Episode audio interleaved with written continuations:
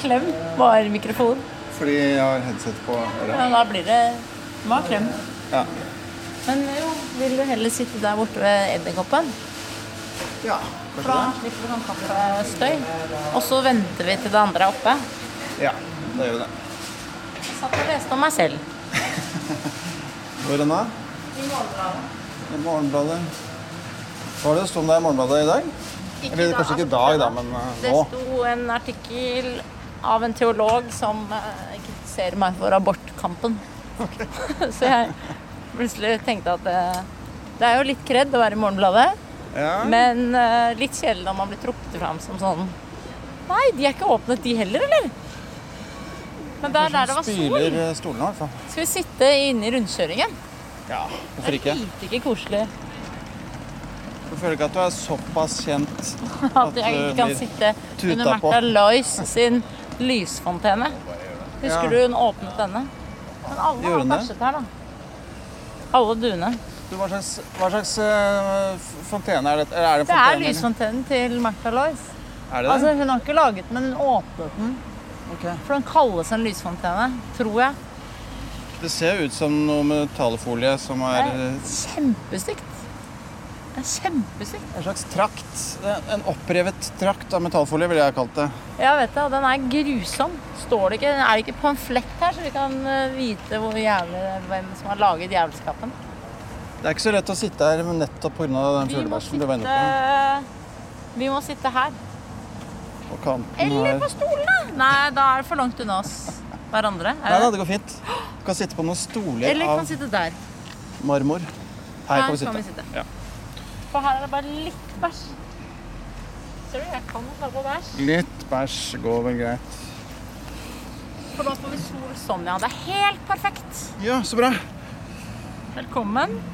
Velkommen til podkasten. Så hyggelig at du kunne skvise inn en liten prat med meg da, Ja, vi er jo ikke backstage, så jeg er ganske skuffa.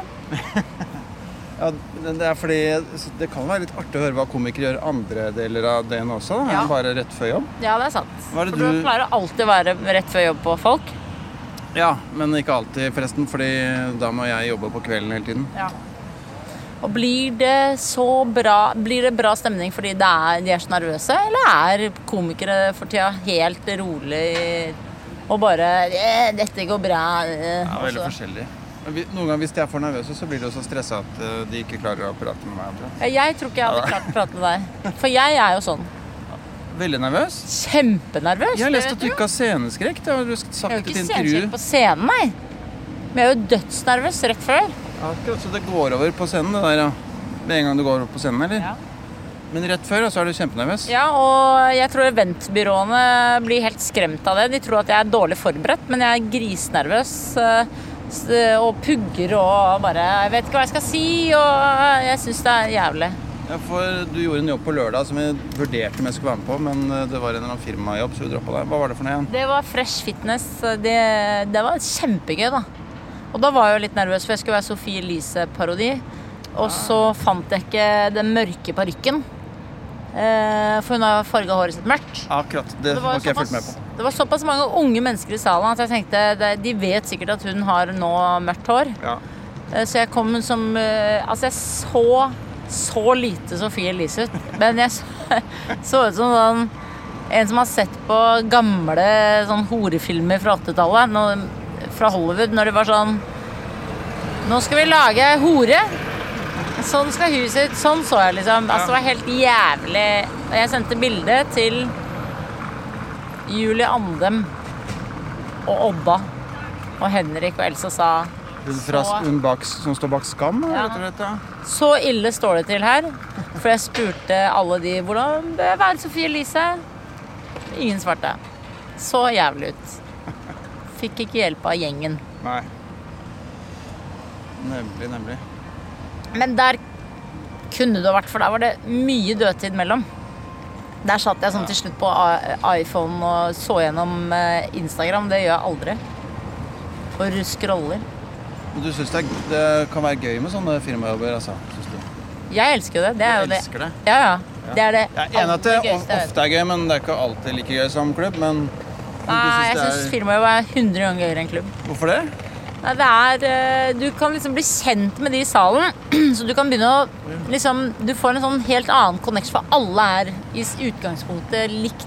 Altså alle er fra det firmaet. Ja. Så du kan liksom kjøre ganske mye på det firmaet, tulle masse med sjefen og tulle med, begynne med å tulle med noen i salen som du føler ikke blir hengt ut fordi alle på en måte er venner. Ja. Og du ser jo ofte fort liksom hvem som har lyst til å liksom bli tatt litt og hi, sitter og er liksom the only gay in town-aktig. Ja.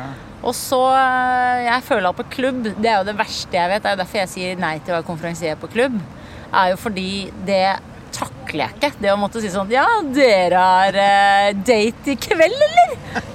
Da, det, da skammer jeg Altså hele kroppen min sier sånn skam, skam, skam. Men på firmajobb, da er det bare Da er alt lov. Da blir jeg ikke stressa. Så rart.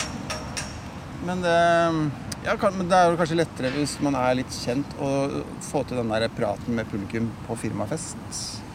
Ja, ja, det kan hende faktisk. Fordi eh, i gamle dager var ikke det så lett. Nei.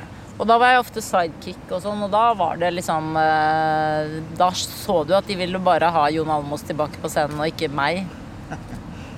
Men eh, så gjorde du en annen jobb også på torsdag med Trond-Viggo. Hvorfor det? Kan ikke du forklare litt hva det er for noe? Jeg har aldri sett det. Det har gått på TV, da. Det er noe improvisasjonsbasert Jeg har gått på. TV litt med Kyrre. Holm Johannessen, tror jeg. Oh, ja. Eh, eller jeg vet ikke. Ikke med Trond-Viggo? Jo, med Trond-Viggo, men han har gjest. Han har Ah. alltid én gjest. Ja. Og så er det de i salen som skal stille spørsmål. Det er dødsgøy når det ikke blir filmet. Så var det ikke så gøy nå når det blir filmet med NRK. Fordi jeg og Trond-Viggo er jo kjempegrove og drøye hvis ikke NRK er her. Oh, ja. Og det er så gøy når Trond-Viggo er så drøy og grov. ja, ja. Fordi han er lege, han er voksen mann, og han sier, når han da sier noe som er sånn altfor på kanten, da koser jeg meg sånn glugg og får litt sånn eh, åh, nå, nå spiller det i Og du merker det også at de liksom, folk tenker sånn faen så gøy. Sånn som at han er imot hjelm og sånn. Han er Mot å gå med hjelm. Mot at barn skal bruke sykkelhjelm. Det elsker jeg at han er. Han er barneombud, og er det dummeste han vet, er folk med hjelm.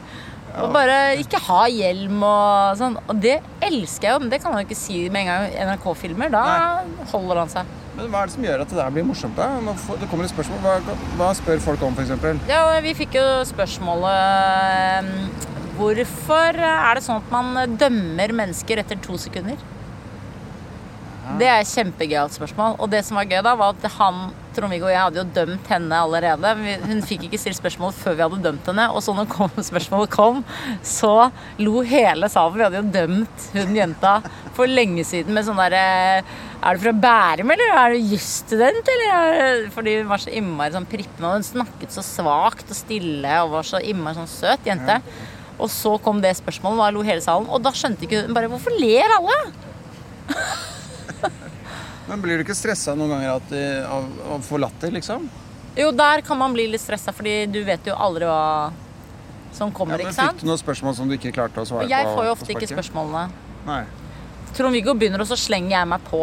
Ok. Og jeg vil gjerne liksom være hun dumme der, og han er den smarte. Og det er alltid veldig gøy, for da blir det sånn far-datter-forhold. Men sånn der, Ja, du er ja, så sånn, dum, ja. og okay, ja. nå skal jeg som far forklare deg dette. Og at han blir helt sånn oppgitt over meg, det tror jeg kanskje er derfor han liker å ha meg med òg. Fordi han liksom kan spille veldig oppgitt, Ja. og jeg liksom tåler på en måte å være veldig hun som bare kommer med en veldig feil teori. Jeg håper det er derfor. Han vil jo ikke si hvorfor han bruker meg. Han bruker jo Tore Sagen mye, og Kyrre Holm Johansen og Kristoffer Schou. Ja. Bruker smarte folk. Du, eh, tror du Er det det er enda på for mer bråkete? ja, altså, Vi sitter jo midt i en rundkjøring, så Nå må de faen meg klare å åpne opp klokka Skal vi prøve? Mye er klokka nå. Fem over elleve. Da skal det være åpent. Har du sjekket på internett at de skal åpne elleve? Ja. Da skal det være åpent. Da skal det være åpent, ja. På Teketopa. Pamfletten fant, fant vi aldri fra den dumme Ja. Der hvor det står hva slags statue dette er. Det er en søppelbil som rygger av, vet du. Oi, se her, ja. Samferdselsetaten. Ja, se her. Her har masse folk sponset Foreningen Byfolk for sånn utsmykking. Nei, det står ikke hva det er.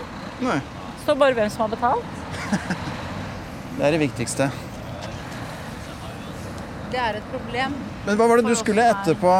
Jo, etterpå skal jeg til fysioterapeuten. Ja. Eh, Fordi jeg har født et barn ut av feil åpning av kroppen. Ut av rumpa. Da får jeg eh, statlig fysioterapi. Gjør du? Ja. Gratis i et helt år. Oi. Men så må du klare deg sjøl. Ja, så må jeg klage til pasientvern, eller hva det er. Norsk pasientskadeerstatning. ja. Sånn er det med! Og jeg har med kaffen, det er ikke lov. Det er ikke lov. Eller det går vel bra. Men det er klokka tolv, så vi har eh, 35 minutter igjen. Nei, Okay. 45. Hei! Du, jeg har med kaffe. Jeg, skal, jeg kan kaste den og kjøpe ny. Det var så greit at du skrudde av musikken for oss. Det var jo snilt. Det var veldig snilt, det. Jeg skal faktisk sette meg på tvers her. Altså. Å strekke. Men det er fødselsskaden kommer jo nesten ikke utenom Nei, er bare å kjøre på. Jeg har snakket mye om den i mange fora. Men ikke dette forumet. Hva var det som skjedde der, egentlig? Jeg pressa ut det barnet veldig, veldig veldig fort, så bare hoppa ut av rumpehullet. Ja. Eller han delte rumpehullet mitt i to. Og da må du sy hele rumpehullet ditt på nytt. Og når du har sydd rumpehullet ditt på nytt, som er kroppens sterkeste muskel neste etter tunga, så er det viktig at den holder seg stram.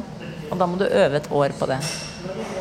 Da må jeg sitte med en sånn maskin nede på leggen som gir støt, sånn tærne mine spriker. Og da sender foten en beskjed opp til hjernen om at den indre rumpemuskelen skal stramme seg. Det må jeg gjøre 30 minutter hver dag. Det gjør jeg hver fjerde dag. Gjør det. Fordi jeg ikke klarer å gjøre det 30 minutter hver dag. Så kommer jeg på det hver fjerde dag. Faen, jeg må jo Og da i dag så lurer jeg på om jeg skal si det til en fysioterapeuten, eller ljuge og si ja da. Jeg gjør det hver dag. Tror du Veldig snill av deg å skru av musikken. Vi har snakket om det allerede og blitt rørt. Men tror du ikke hun merker det hvis du ikke har gjort det? Eh, Men hun sjekker ikke hun er aldri oppi med julefingeren oppi Nei. rumpa. Så hun eh, Men det I februar skal hun jo sjekke det. Fordi det tar så lang tid å øve opp rumpa di. Så i februar skal hun sjekke Jeg syns det var litt kaldt, jeg. I februar skal hun sjekke det, og da må jeg ha gjort det ordentlig. Ja. Gjør det vondt det å gjøre det?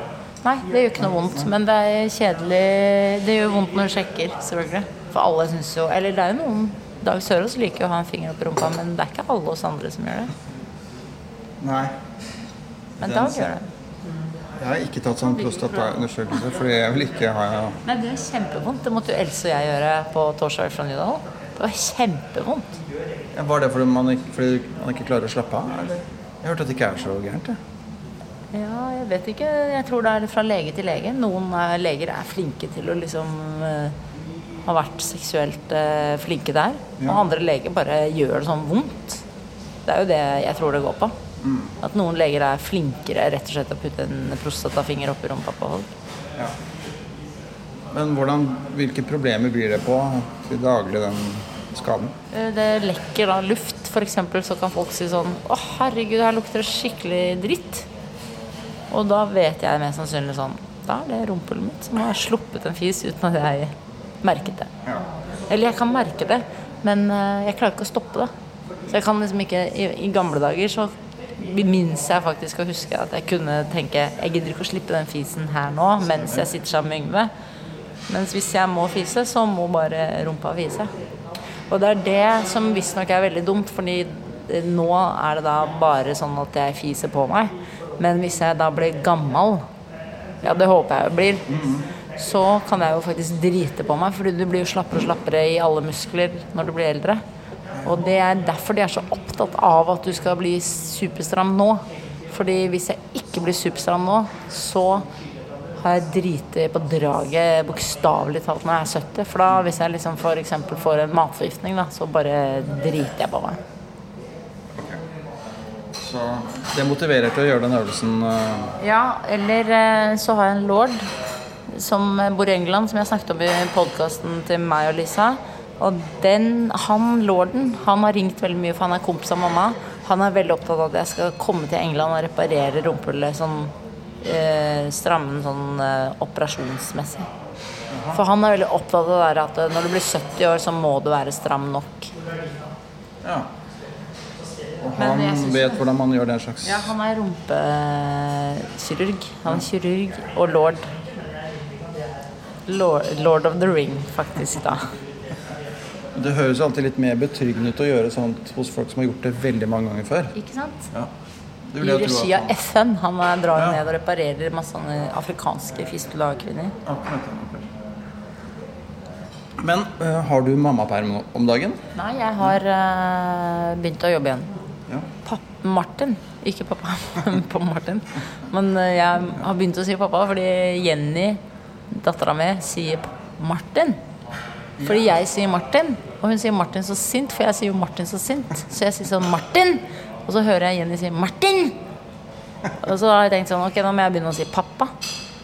Sånn at hun sier pappa på en koselig måte. Jeg vil ikke at hun skal si Martin på en surfitte måte. Så nå Ja, men det er Martin som har pappaperm. Ok. Men um, tilbake til med din Han ringte nå i sted. Ja. Da jeg satt i parkeringshuset, så sa han 'Hvor er du, da?' sa han. Og så sa jeg 'Nei, nå er jeg på jobb, da. Jeg skal møte Yngve Skomsvold'. Dette er jo en jobb for komikere, ikke sant? Møte deg. Ja. Så skal jeg til fysioterapi, og så skal jeg ha et annet møte klokka ett. Og hvordan er, hvordan er en vanlig dag for deg? Sånn, er det masse møter, og, eller sitter du hjemme og skriver, eller hva fyller du dagene med? Skriver, skriver, sitter aldri og skriver. Nei. På mandager så er det veldig ofte sånn møter med firmajobber. Så hvis, nå før jeg møtte deg, så satt jeg i 35 minutter og snakket med de jeg skal jobbe for på fredag. På Gardermoen. Ja. Firmajobb. Fordi da spurte jeg om de ville ha Ninette Carlsen, hun Facebook-frøkna. Som jeg eh, tenker kanskje er litt gammel nå liksom å ha. Men det er jo veldig mange som syns hun er gøyal. Men jeg er jo imot at komikere går liksom i samme tralt. Så jeg prøvde å selge inn da Sofie Elise istedenfor, som er mer ungt og fresht. Men da sa hun ja, det syns jeg vi skal ta. Ninette Carlsen dropper vi, og så tar vi Sofie Elise. Men så må du komme opp og gjøre Anna Anka-parodien din. og da tenkte jeg sånn, ok, da er vi tilbake i gammelmodus. Men det er hyggelig, det, da. Men man føler seg jo litt som uh, de komikerne som liksom uh, ja, sånn Man føler at man er i sånn Flettfrid Andresen eller noe. Og sånn vaktmesteren, liksom. At det er sånn Vi kan ikke gå dit. Nei. Men uh, uh, Altså, du skriver ikke materiale? Nei, aldri. Jeg skriver materiale hvis jeg skal på klubbjobb, så skriver jeg Men nå i sted så skrev jeg da Noterte jeg en standup-idé som jeg tenker det skal jeg lage standup av. For det irriterer meg at jeg ikke har lagd ennå. Det var om The Golden Record uh, ute i verdensrommet. Ja. Den uh, holdt på å si LP-plata Ja. som med bilde av en mann og dame. er det noen andre som har standup på dem? Det er ikke sånn typisk norsk standup-tema, er jeg redd. Fordi eh, Og det er jo bra, med det, at du lager noe på det. Ja, for det, jeg tenkte det er et fint tema å snakke om, fordi det er veldig gøy at vi i 1977 eh, la ut eh, eh, Sendte ut en LP-plate i gull til verdensrommet. Hvis den eh, romsonden hadde kommet tilbake igjen nå til oss, så hadde jo veldig få av oss kunnet spille av den LP-platen, for det er ingen som har LP LP-spiller. Så vi har driti oss ut. Altså, og det samme hadde vært hvis vi hadde sendt ut en diskett, som da kom seinere vi hadde jo heller ikke kunnet bruke den disketten. Og eh, altså hvis vi hadde sendt ut en iPhone nå, da, så hadde jo det vært eh, Neste år kunne man ikke ha spilt av den eh, iPhonen sikkert, fordi det er en feil sånn lader inn til iPhonen. Man må satse på at de aliensene har en spiller med USB-utgang. Ja, og riktig USB-utgang. Ja, ikke den gamle, men den nye. Ikke den tynne, den tjukke. Altså det er så mye Det er så søtt at vi sendte ut LP-plate. Ja, det er veldig fint. faktisk. Vi burde sendt noe nytt snart, kanskje. Men Eller at de blir sånn der Å, så koselig. Og så hører de på den LP-platen med Beethoven og Beatles og sånn. Og så sitter de og luller og laller og koser seg. Sier sånn Så koselig den knitrelyden der på den LP-plata, sier de. Det er lenge siden jeg har hørt, sier den andre planeten. Herregud, det minner meg tilbake til 1977 her på Krupp. Planeten Krupp. Men du skriver ikke materiale. Er det, så, er det fordi du jobber eh, annerledes med å utvikle ting, eller er fordi du ikke skriver tekster om dagen? Jeg tør ikke å skrive tekster, for jeg er jo ikke noe morsom på sånn måte. Så jeg må liksom teste ut ideen på scenen og se hvor den havner. Og så begynner jeg å skrive den etter hvert. Sånn, ja. Starter ut ifra liksom ofte en sånn eh, Å, har dere sett at eh, kronprinsesse Victoria har født? Og så liksom begynner den på scenen. Og så tenker jeg her er det jo noe moro. Men hvis det ikke er noe moro på scenen, så slutter jeg da. Da tenker jeg at den skal jeg aldri snakke om igjen. Men jeg har ikke tenkt ut av noe sluttpunch, og det er jo mitt problem. Jeg er jo veldig dårlig i punchlines. Så du bare satser på at du kommer på noe på scenen, da. Altså, Ja, farten. det pleier jeg å satse på. Eh, og da er jeg litt avhengig av at Josefines og dattera tar meg godt imot. Du sa at du ikke liker å være konferansier, men liker du å gjøre klubbjobber som Har du noen gang sett meg som konferansier? Ja, du, at du ikke ville være det, da? Ja, har du sett meg noen gang? Ja, Jeg jeg vet ikke. det. Da har jeg ikke det. Jeg håper ikke. Jeg har kanskje vært det en gang på Josefines. Det var forferdelig. Men uh, å gjøre klubbjobber generelt, da? Det elsker jeg. Ja, det er- Men det får jeg ikke gjort nå. Fordi du ikke har tid? Fordi eh, jeg kan ikke liksom gjøre firmajobb på fredag og være sammen med Trond-Viggo på torsdag, og så gå på Dattera på onsdag. Altså det går ikke. Da må du liksom si ok, men da valgte jeg Trond-Viggo og den firmajobben. For kan du det med barn? Kan du plutselig Du kan ikke velge å være på klubbjobb alle kvelder. Prioritere det som gir penger i kassa. Eller hvis du ikke skal skrive nytt show, da. Skal du sette opp nytt show en gang, forresten? Apropos Mitt det. eget show? Ja. Ja, det er lenge til. Ja. Men eh, ja, det er sånn når jeg blir mann 44, liksom. da skal jeg sette over show. Følge Bård Tufte. Vi satte oss ute, vi, for det var litt uh, småstøy i bakgrunnen der. Ja. Nå ringte Lisa Tønne på svareren. Hva sa hun for noe? Nei, nå var det Hei, jeg eh, jobben vi gjorde for uh, uh, For hva, hva var det sånn Hvordan er Hva fakturaen dit? Den må jeg ha. Det, jeg vet at jeg sendte den til henne, for Den gjorde vi i eh, mai eller juni. Ja. Ja, hun er altså så dårlig økonomisk. Hun er veldig dårlig økonomisk. Hun skjønner ikke ting. Jeg blir helt oppgitt. Så da må du ta det ansvaret, da, rett og slett. Ja, eller altså, jeg priser meg lykkelig over at hun faktisk er på kontrakt med Stand Up Norge, tenker jeg. Fordi hvis hun og jeg skulle hatt et AS sammen, hadde det bare vært helt uh, tullball. Men du vokste opp på Nordstrand på 80-tallet, du, Sigrid. Apropos ikke noe. Ja. Du, hvordan Samme det Ali. Var det, var det samme sa i dag? Han er eldre enn meg, så jeg har aldri møtt han. Men han gikk i parallellklassen til, nei, til søsteren min. Akkurat. Jeg innbiller meg at folk som vokser opp på Nordstrand, er rike. Men det stemmer kanskje ikke. Mm, Vi ser jo veldig rike ut i det huset jeg bor i, da. Fordi vi bor i et kjempestort hus. Men vi har jo arvet det av mormor. Så vi er ikke noe rike, dessverre. Mamma og pappa har jo gjeld eh, ennå. Det har de hatt hele livet, så de var alltid fattige, egentlig. Men eh, de er jo akademikere, og de har jo veldig dårlig lønn. Ja. Jeg tror ikke det er så veldig mange akademikerpar lenger der oppe. Nei. For er, det er jo dyrere og dyrere, men det var jo veldig snobbete da jeg gikk der òg. Ja. Og eh, vi Og det er jo helt sånn hvitt, kritthvitt. ja. Lærer Var det lærer? Mamma er lærer, og pappa er jo forlegger i Ja. Det Norske Samlaget. Så han er jo nynorskforlegger. Da er det på en måte nederst på rangstigen i forlegger...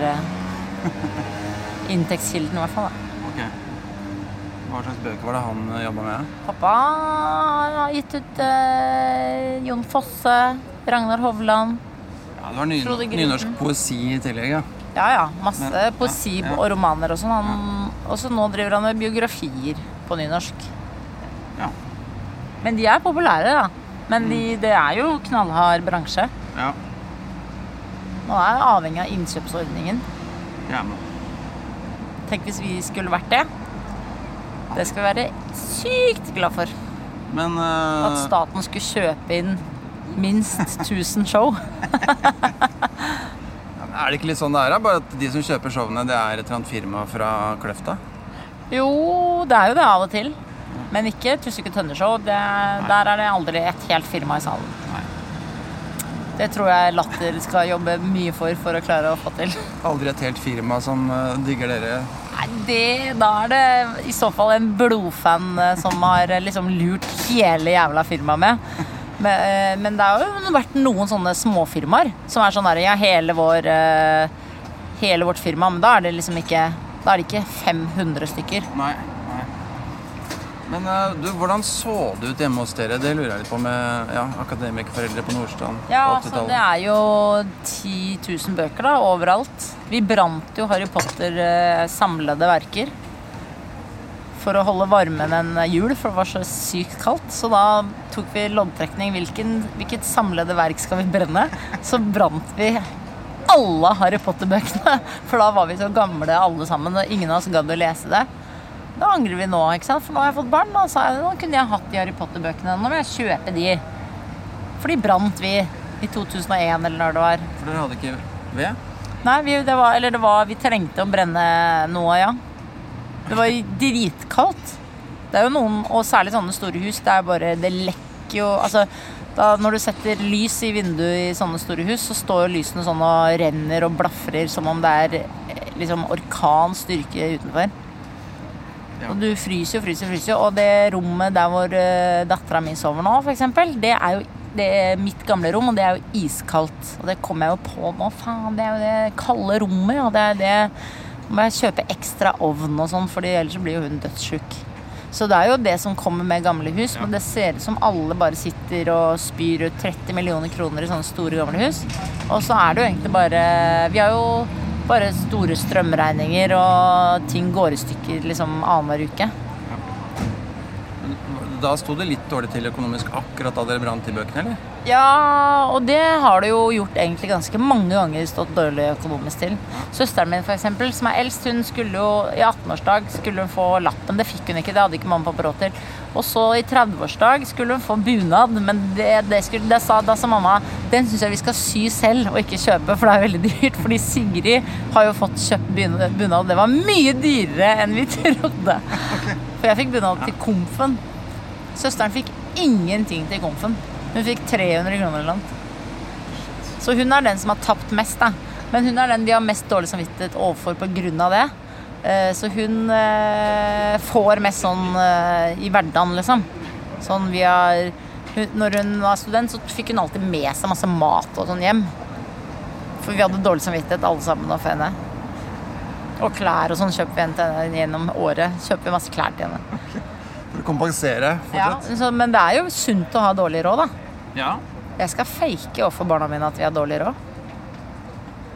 Pluss at Ja. det, kan hende i vårt yrke, Yngve, så får vi jo fort dårlig råd. Det er jo det som er kjedelig med vårt yrke. ja plutselig har du dårlig råd, og så er det kjempegod råd. Det er det. og hele, altså fra mai til september har vi jo ikke noe inntekt. Det glemmer jo folk. Folk tror liksom at eh, komikere bare ligger og gasser seg og bader i små sedler.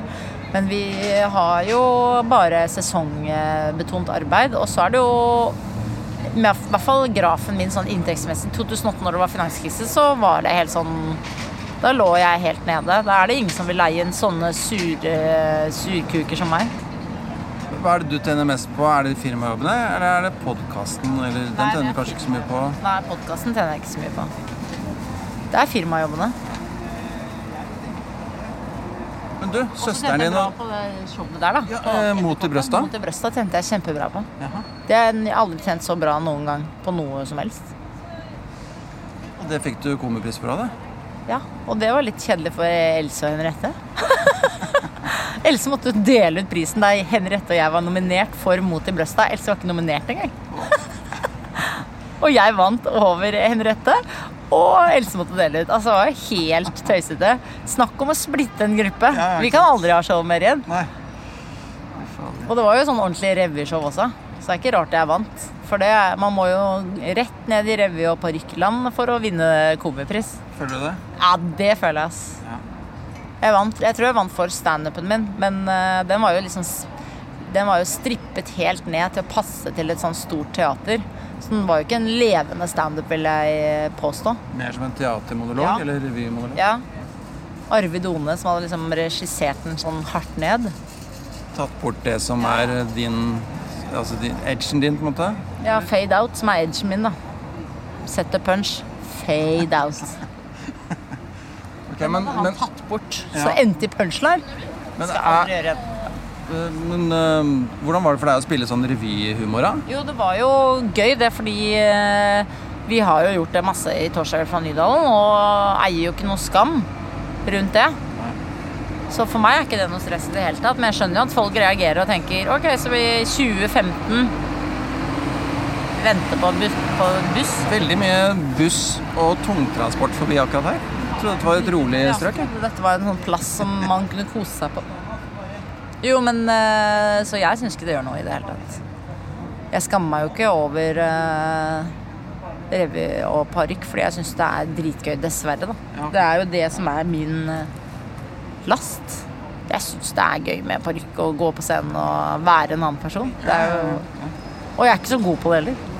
Jeg liker at folk syns at det er innafor å være litt, litt halvdårlig parodi. Det, er ikke det, kan, det kan fort være litt av humoren, det. At, Ikke sant?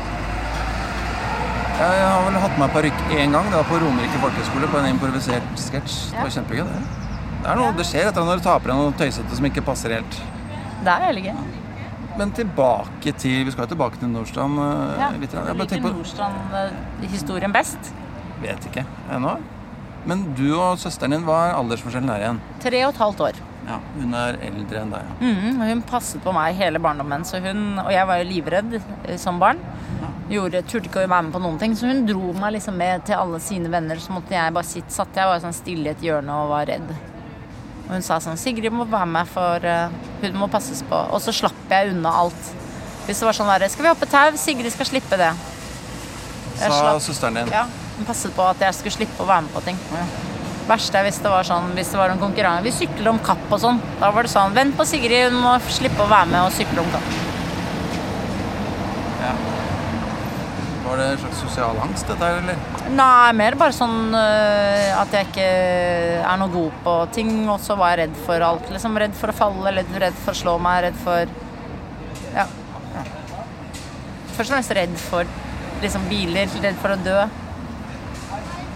Sånne ting. Men Du har forandra deg ganske mye. Altså, Ja, men jeg, jeg sykler ikke om kapp med noen. du har fortsatt noe av det der i deg. Ja, jeg vil helst ikke konkurrere i noe som helst. Jeg syns det er liksom koselig å ake, men helst ikke Og jeg er ikke sånn Og jeg gleder meg til vi skal stå i bakken til vinteren. Nei. For det gjør jeg ikke. Jeg går, eh, tar av meg langrennsskia og går ned bakken. Og pappa står nederst i bånn av bakken og bare ah, Det er så kjedelig å gå på ski med deg. Men tenker du på du, hvordan du vil påvirke dine barn? Du vil, eh, er det sånn Å, håper ikke de blir Ja, hun eh, så redd redde som jeg var. eldste er jo ikke redd i det hele tatt. Det er, bekymrer meg jo sterkt. Angrer for at vi ikke sitter i sola. For kaldt nå. Drit, dritkaldt her, og så er det dødsfint vær der borte. Alle andre sitter i sola. Vi kan flytte oss enda en gang. Nei, vi kan ikke det. Fordi der sitter jo masse folk. Så vi, vi hører de hele tiden. Folk blir dritirritert. Hvordan tror du dine medelever husker deg i dag, da? Fra ungdomsskole og videregående? Jeg var jo besserwisser-ungdom. Eh, og sånn som Altså, jeg var eh, generasjon perfeksjon Ja. lenge før den generasjonen ble funnet opp. Så jeg var jo sånn som tysta hvis folk eh, skulka og sånn. Og så var jeg jo elevrådsleder hvert eneste år. Arrangerte Operasjon Dagsverk. Gjorde alt riktig. Prøvde å være best i alle fag. Var ikke så god i engelsk og gym, så der lå jeg dårlig an. Og matte var så ganske dårlig. Men klarte å pugge meg til gode karakterer i niende. Altså datidas tiende. Ja. Nei, men nå må Steinerskolen roe seg ned. Nå kommer de ned med gitar. Kommer to er stykker med gitar og Ja. synger på gata. Det er Steiner-elevene. Det er sånn det er. Sånn er det. Ja, men var, Hadde du mange venner? Var det sosial, eller? Hadde en bestevenninne Jo, vi var en sånn firbande. Kristin, Katta, Sessa og jeg. Som gjorde ting. Ja. Det var koselig. Det var koselig. Ja, det var koselig. Hun var jo sikkert litt, litt mobbete og litt eh, utsatt for å bli mobba. Sånn blanding. Du var der? Litt begge, du var litt begge deler? Hele gjengen, liksom. Hele gjengen. Var litt sånn uh, nerdegjeng, og så som mobbet uh, de, un, de liksom som var litt mer nerde. Men så ble vi mobba da av de over oss, liksom. Ja. Så det var en fin blanding. Akkurat sånn som det er å være ungdom, da. ja okay. Flytte oss dit jeg er iskald. Vi skal, sette oss på det bordet med sol. Vi flytter oss til et bord med sol, vi. Ja, er, er ikke du iskald? Jo. Hva slags oppdragelse hadde du der eh, på Nordstrand eh, på 80-tallet da? Eh, ganske streng oppdragelse. Mamma er jo rektor. Ja. Så hun var veldig streng. Vi hadde veldig mange regler. Mm. Det er ikke lov med smågodt potetgull eller brus. Vi fikk rød eller gul saft eh, på lørdager, og da var det bare et sånn sjokoladebrett som, der alle måtte dele sjokolade. Det, en, det er forbudt med hver sin godtepose, f.eks. Og lørdagsgodt er en regel som ikke vi har. Der du, du må liksom lage et felles brett med sjokolade, så er det om å gjøre på en måte å kjappe seg såpass fort at du får den sjokoladen du trenger Ja. og vil ha. Karre til seg. Ja, Ikke noe sånn 'dette er min pose, og dette er din pose', og hva fikk du opp i din pose og sånn. Det Sånn er jeg ikke vokst opp. Og så øh, er jeg vokst opp med masse krangling foran barn. Altså at vi krangler foran Alle krangler med hverandre høyt. Ja. Også foran andre. Andre På utenforstående. teater, liksom, kan man krangle sånn. Lage en scene utenfor eh, Det Norske Teatret har vi gjort et par ganger. Og øh, sånn, Så jeg er veldig fan av å krangle foran barn, sånn at man blir traumatisert og får problemer. Min reaksjon på det er jo at jeg tror at alle blir skilt hvis man krangler, og så blir man ikke skilt. Men jeg tror liksom da, hvis det er krangling, så tenker jeg nå, nå tipper jeg grensen er nådd. Nå blir det skilsmisse her. Men så er ikke grensen nådd. Så nå, jeg nå prøver jeg å lære meg sånn at hvis jeg krangler med Martin, så blir jeg ikke skilt selv om han er sur en hel dag. Men det jobber jeg med. Ja. Du har ikke fått noe bedre forhold til krangling av at det har vært krangling? akkurat? Men jeg kjører akkurat samme stil til mitt barn. Ja, nettopp. Ja. Jeg krangler masse med Martin foran henne. Ja, Du gjør det? Og kaller han forferdelige ting og sier sånn Jeg eiter meg så forbanna. Er du helt fuckings jævla idiot i hodet ditt? Han sier jeg. Mens hun hører på.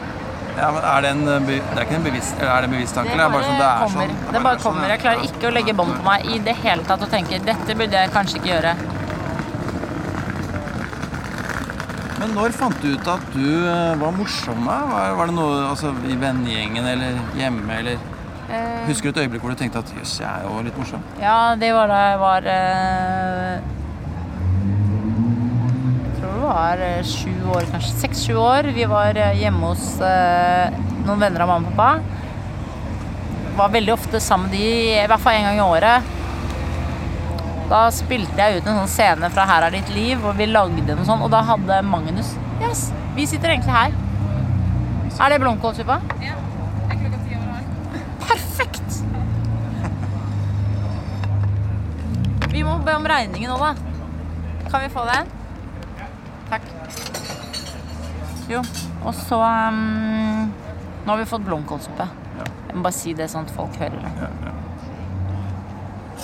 Da lo Magnus så mye, han ene som var sønnen i familien. Da tenkte jeg fy søren, jeg er ganske morsom. Og han lo og lo og lo. og lo. Han hadde totalt latterkrampe. Det var liksom min første fan. Aha. Han er fan av meg ennå. Men Og da skjønte jeg det. Og så tulla vi veldig mye på skolen, da. Lagde masse skoleavslutninger og revyer og sånn. På barneskolen. Så vi lagde, og så lagde vi jo mm, Når øh, mødrene i venninnegjengen hadde bursdag, kom vi ut og sang masse morsomme sånn Frøken Bibelstripp-sanger og sånn til dem og sånn. Så vi kjørte jo fullt show. Kult. Mm. Men tenkte du tidlig at du kunne drive med dette her på, som jobb også, eller? Nei. Nei, når, når var det du fikk den tanken, da? Nei, det var bare når det plutselig begynte å bli inntekt på sånne firmajobber. Jeg har aldri egentlig hatt så veldig lyst til å være komiker, for jeg vet jeg ikke er så god på det. I hvert fall standup-komiker er jeg ikke noe god på. Så det er vel bare det at jeg liksom er uredd på scenen og tør å stå i at eh, det er litt vanskelig og litt stille. At det er det som er styrken. For da Hadde du tenkt å bli noe annet? Hadde du en konkret plan om hva du skulle bli? Nei. Men jeg hadde lyst til å bli journalist, men så kom jeg på Westerdals, og da mm, begynte jo jeg og Henrik Thodesen å skrive skolerevyer og sånn. Så da ble jo det mye gøyere. Ja. Så da hadde jeg tenkt å kanskje leve som tekstforfatter, da. Mm. Men så begynte jeg jo med, med standup da mens jeg gikk på Westerdals. Så da okay. men, Mens jeg gikk der, så ble det bare mer og mer standup. ja. Husker du første standup-jobben, da? Ja, på eh, Lille. På, det var nykommerkveld på Lille. Jeg og Linda Mahala hadde debuten sammen. Husker du noe Husker du hvordan det gikk? Jonas Bergland hadde på seg skidress og Ja, det gikk jo ganske dårlig, men det gikk jo bra fordi man liksom overvant en sånn frykt, da. Ja, ja. Men det var jo helt jævlig. Ja. Det var jo først og fremst fordi det var masse kjente i salen. Fordi Jonny var jo så opptatt av at man skulle ha folk som skulle ja, backe. Men jeg elsker jo Jonny. I motsetning til ganske mange andre i miljøet. Jonny Kristiansen elsker jeg. Hva er det du liker med han, da? Jeg liker at han er helt uh, barnslig og, og um, liksom aldri vokser opp. Og så at han er sånn sint og sur og helt uberegnelig. Og at han klarer å få masse unge fans hele tida. Ja. Han kan dra de samme vitsene år etter år, for det sitter helt nye folk i salen og aldri har hørt eh, eggstokk, eh, eggløsningsvitsen hans. Hva syns du om standup-miljøet, da? Det syns jeg er ganske bra, ja. Ja. Jeg elsker standup-miljøet. Det jeg elsker mest med standup-miljøet, er at vi baksnakker hverandre. Alle baksnakker hverandre alltid hele tiden. På en sånn veldig riktig, kollegial, hyggelig måte. Det er ikke sånn der Nei, det syns jeg ikke noe Jeg syns ikke det var noe hyggelig sagt om han og han. Sånn er det ingen som sier. Du bare Alle er jævlig mot hverandre, og alle er enige om at eh, nå er vi jævlig mot den, liksom. Og det skal ikke sies videre. Og det føler jeg alle følger. Ja. Hva er det som er bra med det, du? tenker du? Hæ? Er vi ikke ganske flink på det? Å ikke si det videre? Ja. Ja, Det tror jeg. Men alle sier at det er så mye baksnakking i miljøet. Hva syns du Det er elsker jeg. hva tenker du er bra med det? Nei, det er jo selvfølgelig må det være baksnakking i miljøet. Vi er jo Alle er sånn enkeltmannsforetak. Mm. Jeg er livredde for at den andre blir flinkere enn deg i, um, i standup. Og man vet liksom at de andre er flinkere enn deg, og du kan bli- når som helst bli forbigått. Er ikke det bare helt naturlig? Jeg syns det er mye diggere enn hvis vi ikke hadde baksnakket hverandre. Og alle var stille og tenkte sånn Nei, det, nå skal vi oppføre oss. Det er jo dødsgøyal jobb at man gleder seg til å komme og baksnakke folk sammen med andre. Særlig hvis du kommer og, og møter liksom den din generasjon. Mm, ja. Hvis du og jeg og Jonna og André og Jonas liksom kommer og er backstage, så er det jo kjempegøy, for da vet man akkurat hvem man skal baksnakke. Sånn, ja. Vi baksnakker ikke så ofte de som er under oss. Hvis de tror det, så tar de feil. Ja, Ok, Så man baksnakker sin egen generasjon, generasjon, Ja, liksom? og særlig de over. Ja. Er du ikke enig? Hva, jo, bare lurer på hva du mener. Hva, hva, hva, hva, er det baksnakking går ut på? At de over, de har humor som ikke funker lenger? Ja, ja. Og dårlig og Eller at liksom man bare rykter om dem og dem. Ja, ja. Har du mange venner i standup-miljøet? Eh, Jeg har jo Ja, se der, ja. Ta den en gang, ja. Jeg skal betale med en gang. Ikke betal for meg! Jo, jo. Nei! Podkasten betaler. Er det sant? Så snilt. Ingen inntekter, bare utgifter. Ja, det er jo forferdelig. For da kan du være med oppover, gå opp mot eh, Ja, så kan vi runde av på veien oppover. Ja. Så hyggelig, Yngve. Absolutt. Sånn. Her. Ja, har jeg ikke Har jeg ikke deg som kollega? Hva og De nærmeste i er jo Den aller nærmeste er Jonas Bergland.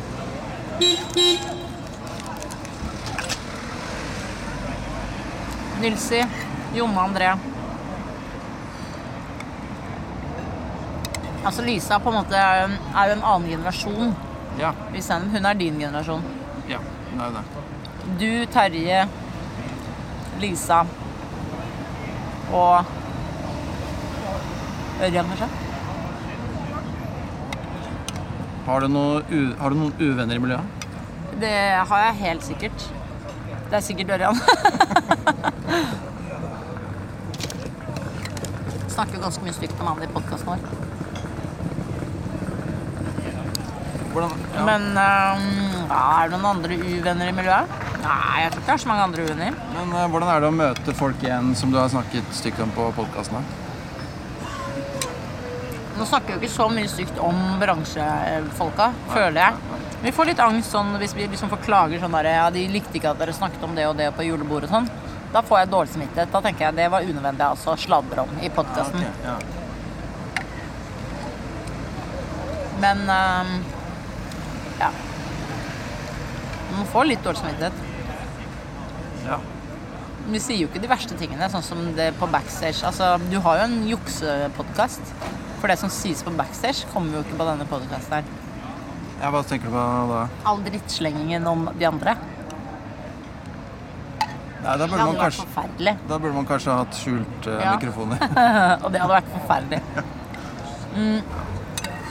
For jeg tror det går litt sånn i sport i miljøet at man skal slenge dritt om de andre, og det er på en måte litt av regelen. Og det er litt av det deilige òg. Det er jo sånn du på en måte får styrke sitte, sitte på backstage, eh, baksnakke de andre for å føle at du er bedre enn de andre, og så gå på scenen og føle seg flink.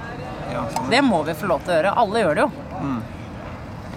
Så det hender at du sier noe på podkasten som du angrer på, ja. Mm. Men er det ting som er privat, for privat for deg å snakke om også? Nei, men uh, det er det ikke. Men uh, Lisa og jeg angrer nesten hver tirsdag. Men det er der vi vil være. Vi blir veldig stressa hvis vi ikke angrer. Da er det en dårlig podkast. Hvorfor det? Fordi da har vi liksom Vi går til det hjørnet der hvor du er helt sånn klemt inni det hjørnet. Og så tenker man shit, nå må jeg bare si det her, og det er forferdelig å si. Eller eh, dette vil jeg ikke lyst til å si om meg selv. Og så sier vi det, og så etterpå så bare Å, jeg har så angst for at jeg sa det. Jeg burde ikke sagt det. Enten jeg såra det mennesket, eller eh, jeg burde ikke sagt det om meg selv, for det var så privat. Og da vet vi at da er vi helt der hvor vi skal være. Så det er veldig viktig å være der. Det er jo sånn man lager humor. Det føler jeg er liksom eh, grunnstenen, i hvert fall i min eh, humorkarriere. Er eh, alltid gå der hvor eh, du føler at nå er det litt ubehagelig, og her skal man ikke være. Da er du inne på noe. Det er Blymandag-ideen. Hvilke kvaliteter ved det er det du liker? Da? Det er at publikum får en sånn følelse at dette er helt sånn unikt, og her eh, nå er vi med på noe som liksom ikke er planlagt. I motsetning til et stort liksom, sceneshow på hovedscenen på Latter. Ja. Så er du plutselig med på en klubbjobb der du tenker dette vet jeg liksom ikke skjer igjen. Ja. Dette er Ja. bare her og nå. Det er jo genialt når man får den følelsen. Ja. Du, nå er jeg nærmere klok klokka seg fem på, så kanskje vi skal rusle oppover. Jeg fikk spist suppe og er dritfornøyd. Så bra.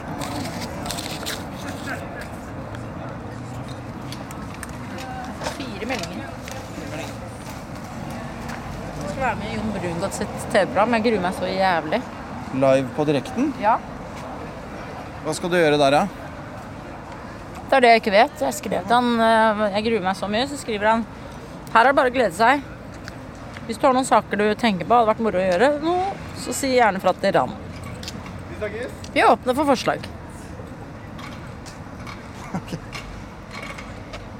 Helt åpent, altså. Helt åpent og øh, enda verre, på en måte, fordi det er jo på direkten, så man Man har jo ikke noen mulighet til å si det. Jeg dreit meg ut. Men du var og så på Emil Schumer i Oslo Spektrum, du. Ja, det var jeg. Hvordan var det? Så ikke du på det? Uh, nei, jeg var, var ikke der. Rett og slett. Det var gøy, det. Det var ikke genishow, men øh, nå syns jo jeg alle show i Oslo Spektrum er ræva. Også Louis C.K. liksom, og Jerry Seinfeld i Telenor Arena var jo helt jævlig. Så Ja, Da må man sitte langt fremme. Hvis ikke så er det ikke noe Vi satt langt fremme på Amy Schumer. Det er ikke noe gøy, det heller. Nei. For du har den storskjermen rett i ansiktet uansett. Og uansett hvor nærme du sitter, så er det jo en svær scene, og de ser så små ut. Og, Ja. Og den derre jungingen, liksom. Det, at det junger ut et uh, standup-show som du tenker hadde vært så mye gøyere Hvis du hadde vært på, på tur i New York, da, og så sitter du på Comedy Cellar, eller hva det heter, Mm. og så bare kommer liksom Amy Schumer da, det er jo Ja, det har jeg opplevd, ja. 70 ganger gøyere. Ja, det var kult. Ja, det er det. Det er liksom åh, det er kjedelig når de skal bare tjene inn penger i Oslo Spektrum. Ja. Man får liksom ikke lyst til å ha show der. Jeg skjønner ikke at noen komikere har lyst til å ha show i Spektrum. Men øh, altså, var showet i seg selv bra, eller er det, det er kanskje vanskelig å Jo, showet i seg selv til Amy Schumer var veldig bra. Hun uh, snakket jo litt om Donald Trump og Hillary. Hun uh, snakket om uh, Hun hadde fire jævlig gode vitser. En om mødre og sønner og forholdet deres. Som var kjempegøy. Det var masse eh, gøye, drøye ting. Og selvfølgelig noe om sæd og det å komme i ansiktet og sånn. Og også en veldig gøyal Eh, hvis, du, hvis en mann har kommet mellom puppene hennes, så du la, kvinner lager den der lille hylla mellom puppene for at ikke sæden skal renne nedover magen. At det er den nedrigste hylla i verden. Og at hun hadde vært i Anne Franks eh, hus og, og tenkte Fremdeles er den sædhylla den nedrigste hylla i hele verden. og det syns jeg var så gøy. Faen, er Steinerskolen-gitaristen ennå. Ja, Der er Steinerskolen. De går imot Steinerskolen. Men øh, hva, øh, Jo, du. Ja. Hva, hva, er, hva tenker du er det beste du har gjort til nå i karrieren din? Uh, hva kan det være? Hva er du mest fornøyd med? Hva har vært morsomst for deg å gjøre? Ah, nei, Det er vel podkasten til Lisa og meg, faktisk.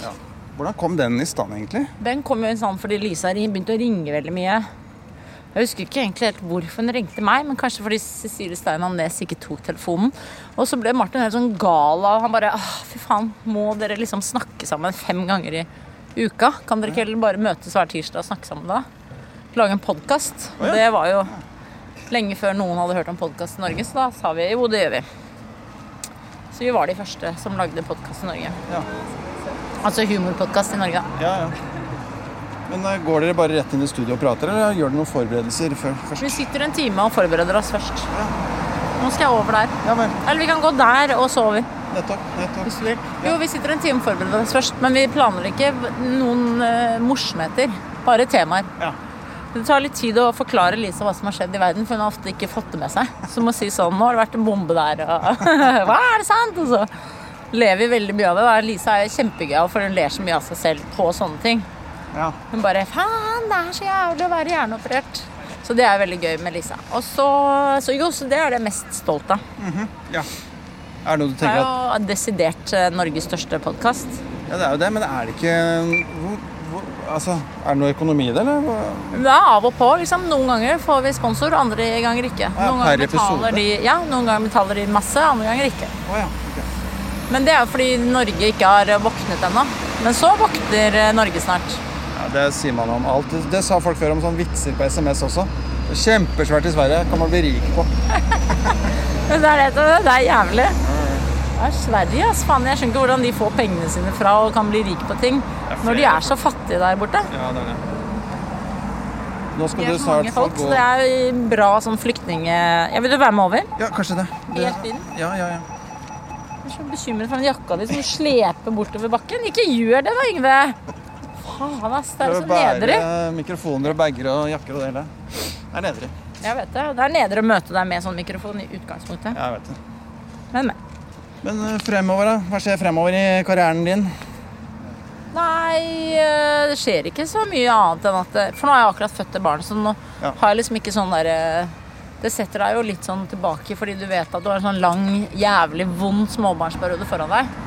Som er den derre Å, han krabber og han går, og vi må rydde perlene bort, og å nei, han døde av en liten ting i munnen. Ikke sant? Så du er jo liksom på alerten på en helt annen måte. Og da har man jo ikke tid til å bare Fy faen, nå skal jeg bare sette en femårsplan her, og Det er det som ikke går. Ja. Inn der skal jeg. Der ringer klokka. Da er podkasten over. For nå blir jeg gjort om til et gresskar. Takk for praten. Det var veldig koselig. Veldig koselig. Vil du ikke ha mer prat? Nei, Har nå- rundet alle spørsmålene? Ja, jeg tror det, altså. Så bra. Nei, jeg, glemte, jeg glemte å spørre hva i helvete er som plager deg. Er det et spørsmål? Nei, det var tull.